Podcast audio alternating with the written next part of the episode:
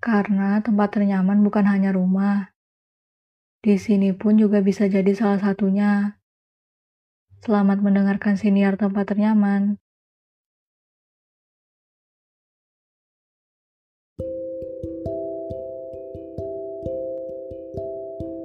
Beberapa waktu yang lalu, aku sempat bertelepon dengan salah satu temanku. Dan di tengah pembicaraan random kami, dia tiba-tiba ikut memberiku sebuah pertanyaan random yang tak pernah terpikir olehku sebelumnya. Waktu itu, dia tanya begini padaku. Menurutmu, happy ending itu beneran ada gak sih? Dan karena sudah terlanjur ditanya, mau tidak mau aku harus memikirkan hal itu untuk menemukan jawabannya.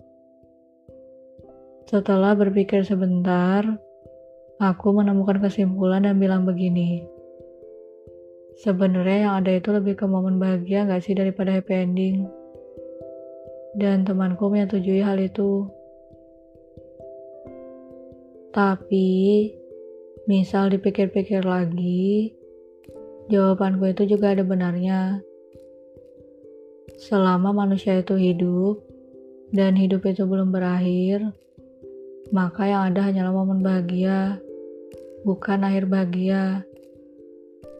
Karena begini, biasanya istilah happy ending ada dalam cerita, entah itu dalam buku, drama, atau film. Karena semua cerita memang perlu akhir, bukan? Dan happy ending adalah salah satu pilihan ending dalam cerita. Misal aja dalam cerita romantis. Maka happy endingnya tak akan jauh-jauh dari pasangan yang akhirnya bisa bersatu. Pernikahan, atau memiliki anak. Sedangkan misal dalam cerita kriminal, biasanya tak jauh-jauh dari tertangkapnya pelaku kejahatan atau menangnya keadilan. Tapi dalam dunia nyata, dalam cerita manusia yang masih hidup, misal aja kita ambil happy ending dalam bentuk pernikahan atau memiliki anak. Setelah pernikahan itu terjadi, atau setelah memiliki anak, tentu banyak hal yang masih perlu dilalui. Masih banyak masalah yang akan datang, dan tak sedikit rintangan yang harus dihadapi. Yang berarti happy ending tidak benar-benar ada dalam dunia manusia yang masih hidup. Yang ada hanyalah momen bahagia, karena happy ending hanya ada dalam cerita. Kalau begitu, jika happy ending tidak benar-benar ada dalam dunia manusia yang masih hidup, kenapa kita tidak menganggap momen-momen bahagia dalam hidup kita adalah happy ending? Aku pernah baca satu buku yang judulnya I Want to Die, But I Want to Eat Tteokbokki, karya Beksehe. Di salah satu bab buku itu, psikiater Beksehe bilang sesuatu yang intinya gini.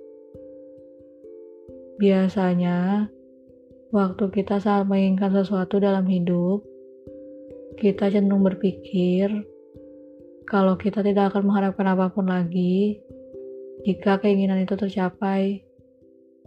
Dan jika keinginan itu bisa tercapai, maka hal-hal yang datang sesudahnya adalah sebuah bonus.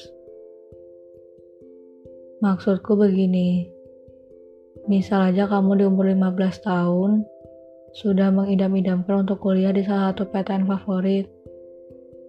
Dan kamu benar-benar bekerja keras untuk bisa masuk ke PTN itu. Kamu sampai berpikir kalau kamu akan sangat bahagia dan tak akan mengharapkan apa pun lagi jika berhasil. Dan ternyata kamu di umur 18 tahun benar-benar bisa masuk ke PTN impianmu itu.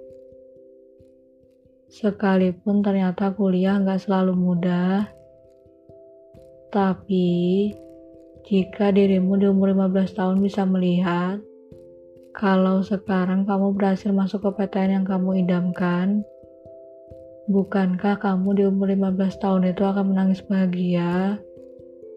Bukankah berarti kamu di umur 15 tahun itu sudah menemukan happy endingnya? Bukankah jika seperti itu, kita akan menemukan banyak happy ending di momen-momen bahagia dalam hidup kita. Impian kita di umur 15 tahun bisa tercapai di umur 18 tahun. Maka kita di umur 15 tahun sudah menemukan happy endingnya. Atau keinginan kita di umur 18 tahun bisa terwujud di umur 25 tahun yang berarti kita di umur 18 tahun juga telah menemukan happy endingnya. Jadi, mulai sekarang, kenapa kita tidak coba berpikir semua momen bahagia dalam hidup kita adalah happy ending kita di waktu dan umur tertentu